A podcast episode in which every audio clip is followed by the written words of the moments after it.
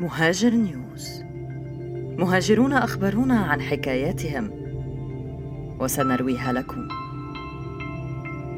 قصة حب في المنفى من جزئين. نقلتها كندا يوسف. الجزء الثاني.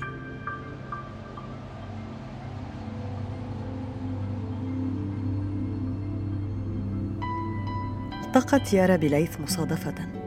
وقعا في الحب. وأملا أن يمنح ليث إقامة تخوله البقاء في لندن وألا يضطر إلى السفر وتقديم اللجوء في مكان آخر. تروي ابنة العائلة المهاجرة قصتها مع ليث. منذ أول لقاء بينهما إلى أن طلب يدها للزواج. منذ صغري وأنا أطلب من والدي أن يروي لي قصة لجوئه إلى لندن. كان كلما روى تخيلت تفاصيل الحكاية والأماكن التي مر بها ووجوه الأشخاص الذين التقاهم. ولم أتوقع أن أختبر شيئا من تلك الحكاية بنفسي. أن أحب شخصا يعيش ما عاشه والداي وأن أكون جزءا من رحلته. ولكن على نحو مختلف.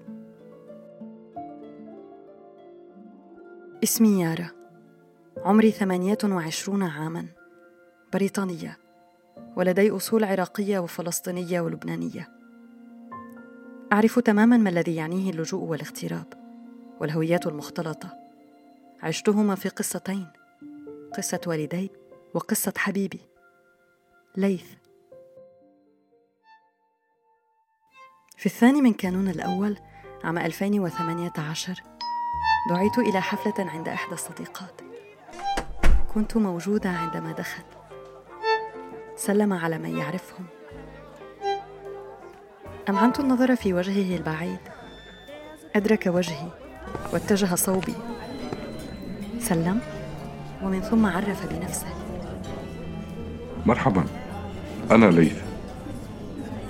أحسست بشعور غريب وأليف في آن أسرني بحضوره. تحدثنا طوال الحفلة. وكان كلما استرسل في حديثه. اكتشفت شبهه بوالدي وحينما علمت أنه يمني بات كل شيء واضحا.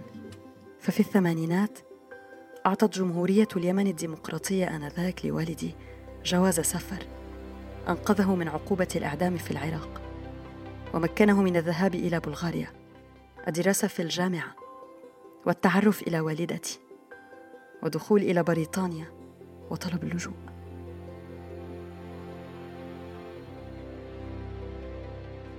امتدت لقاءاتنا وأحاديثنا ونقاشاتنا بعد الحفلة. كنا نتفاهم بسلاسة. أخبرني الكثير عن اليمن عن عائلته وأصدقائه هناك عن المستشفى والجامعة ومعاشه وحكى لي قصة خروجه من اليمن وطلبه اللجوء في لندن.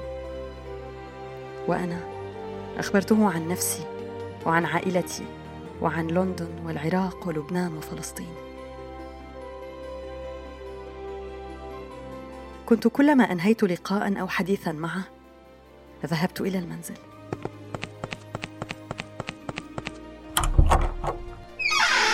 بحثت عن والدي وسألته عن اليمن عن تاريخها وناسها وحاضرها. كان والدي يبتسم كلما سألت وكأنه علم عن حكايتي مع ليث. أنا أحبك. قالها ليث وأخبرني أنه يأمل أن يقبل طلب لجوئه. كي نبقى سويا ونعيش في لندن. أملت بذلك أيضا. فعودته إلى اليمن محال.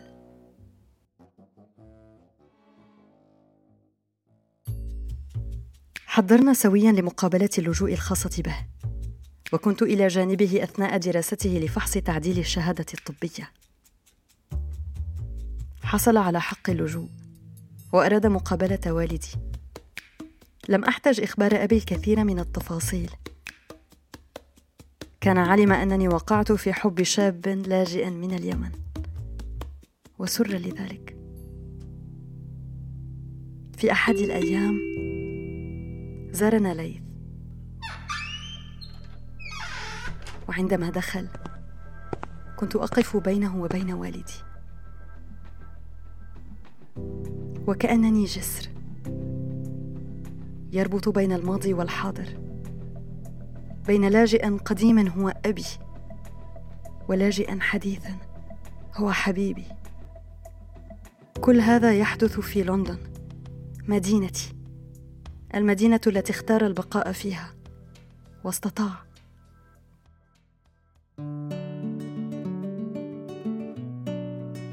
فلنتزوج. وافقت سأتزوجك قلت.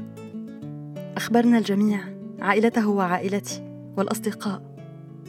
تمنوا لنا السعادة. وفي أحد أيام صيف عام 2019 تزوجنا. كان يوما بسيطا وممتعا يشبهنا بكل تفاصيله.